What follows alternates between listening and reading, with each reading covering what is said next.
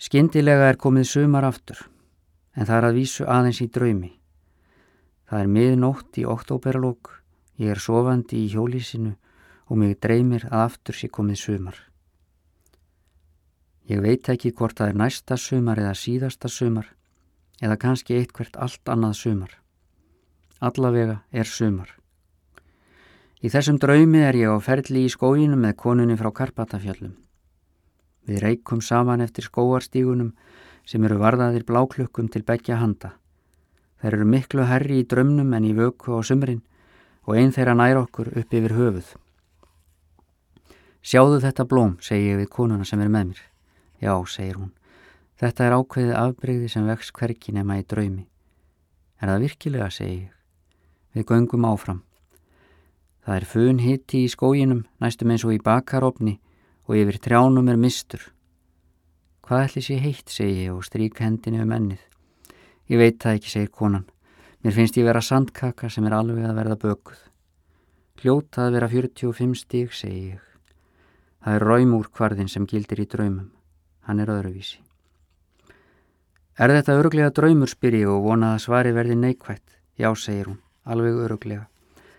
En þegar draumurinn endar spyr ég, hvað verður þá um okkur? Hún segir ekki neitt. Við förum Jóhann stíg sem er greinilega nýr uttur og þar liggja enn af högnar trjágreinar sem á eftir að fjarlæga. Stígurinn liggur niður að sandáni sem heitir vist eitthvað allt annað í þessum draumi.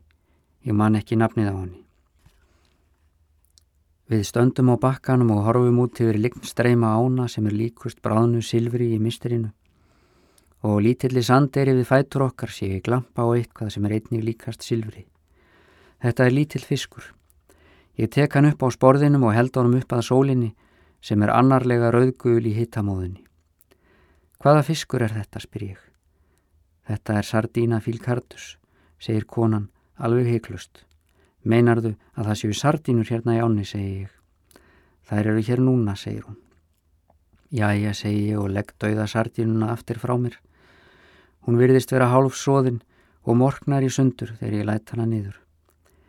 Ég hef aldrei áður séð svona fisk nema hauslausan í niðursuðu dós.